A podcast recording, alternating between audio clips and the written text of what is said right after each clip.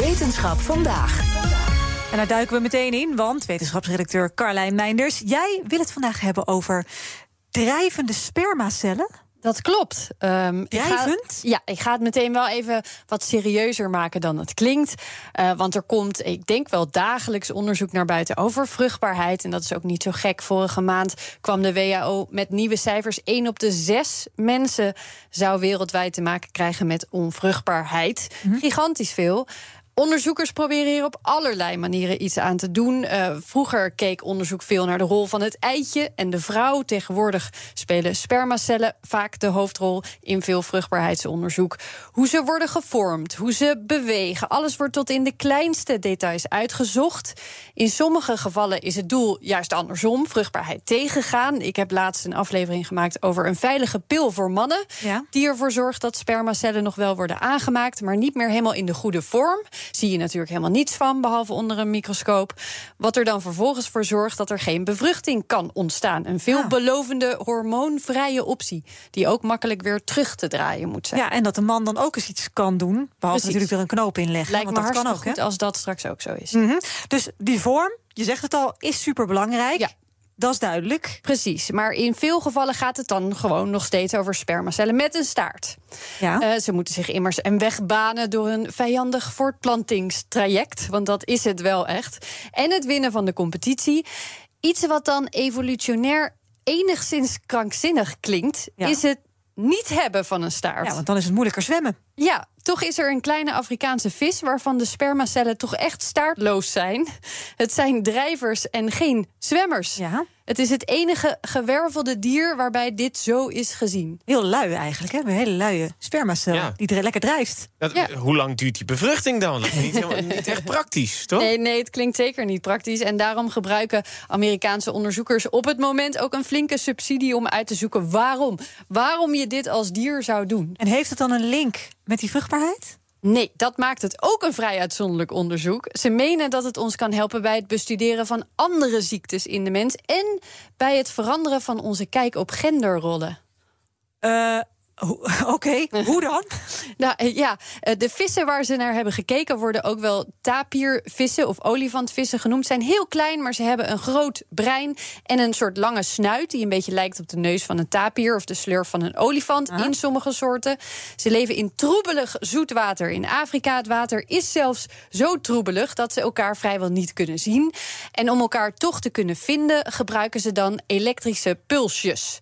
Het versturen van die schokgolfjes en het ontvangen en begrijpen ervan, dat vraagt enorm veel energie van die vissen. En het idee is nu dat dit zelfs zoveel van ze vraagt dat ze daarom geen energie meer kunnen stoppen in het maken van spermacellen met een staartje. Oké, maar dan ben je dan nog vruchtbaar? Dat is natuurlijk ook de vraag als Nou, eh, visje. waarom het zo. Dat, dat is wel waarom het zo interessant is. Want het, ze bestaan nog gewoon, die vissen. Hè? Ja. Dus het werkt. Ze kunnen zich nog steeds Ja, voortplanten. Precies. Ehm, wat ze nu aan het doen zijn, is bevestigen, want dat hebben ze al aardig scherp, welk gen verantwoordelijk is voor het uitzetten van die staartontwikkeling. Dat kan bijvoorbeeld door zo'n gen in een andere vissoort te stoppen. Ja. En te kijken of die vis daardoor ook staartloze spermacellen gaat ontwikkelen. Wat ze inmiddels ook kunnen, is meten hoeveel energie het de vis dan scheelt. als die staartjes niet meer gemaakt hoeven te Nou, op worden. zich, eh, klinkt eigenlijk ook wel logisch. Want op de Paralympische Spelen zie je ook wel eens mensen zwemmen zonder benen. Dus dan zou ik ook denken, als je dan geen staart hebt als spermacel... dan zou je ook kunnen zwemmen.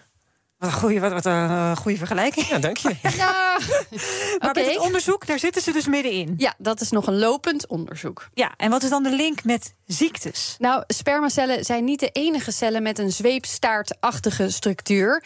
Trilhaartjes zijn er ook aan verwant. Ze bestaan eigenlijk uit vergelijkbare onderdelen.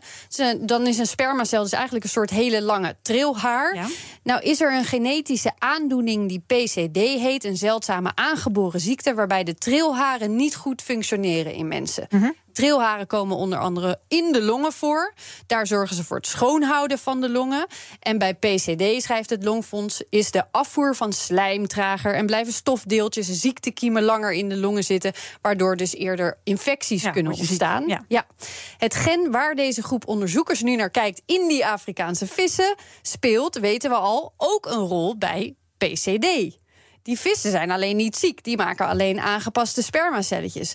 Snappen we dit mechanisme beter in die vissen, dan zouden we dus ook een hele nare chronische longziekte beter kunnen begrijpen. Oké, dus dat is absoluut winst. Die had het ook over uh, onderzoek naar gender. Althans. Ja, daar ben je heel benieuwd naar, denk ik. Hè? Ja, wat is de link ja. daar dan weer ja. mee? Nou, uh, ik denk dat het uh, voor veel mensen nog steeds zo is. De man zien ze een beetje als een bevruchter. Hè? Degene die voor de actie zorgt. Inmiddels weten we dat eitjes ook heel actief meedoen aan dat proces. Door bijvoorbeeld te selecteren hè, welke spermacellen dichtbij mogen komen. Mm -hmm.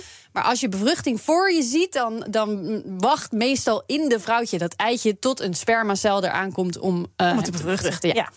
Maar als een spermacel niet kan zwemmen, dan moeten er hele andere dingen gebeuren voor bevruchting plaats kan vinden. Mm -hmm. Er is geen vorm van competitie ook tussen deze spermacellen, zelfs niet tussen cellen van verschillende mannetjes. En volgens de onderzoekers halen mensen veel van hun ideeën over wat telt als vrouwelijk en wat telt als mannelijk uit die, die vroege biologielessen. Als ook daarin meer aandacht zou zijn voor de onvertelde verhalen uit de natuur, de grote variatie die er is op dit gebied, dan hopen ze dat dat iets verandert aan hoe we die man-vrouw verhouding zien. Maar of dat nou wel of niet het effect is van dit onderzoek, het gaat hopelijk sowieso een heleboel nieuwe, interessante kennis op. Nou, en ik heb sowieso geleerd dat er dus drijvende spermacellen Ze zijn. bestaan. En dat je er dus ook gewoon keurig kinderen mee kan krijgen. Dat kan, in dit geval. Dankjewel, Carlijn. Ook Liesbeth Staats vind je in de BNR-app. Ja, heel handig. Luister live naar Kees en mij tijdens de Daily Move. Dan blijf je ook gelijk op de hoogte van breaking news en het laatste zakelijke nieuws. En daar vind je ook alle BNR-podcasts, waaronder de Perestrooikast. Download nu de gratis BNR-app en blijf scherp.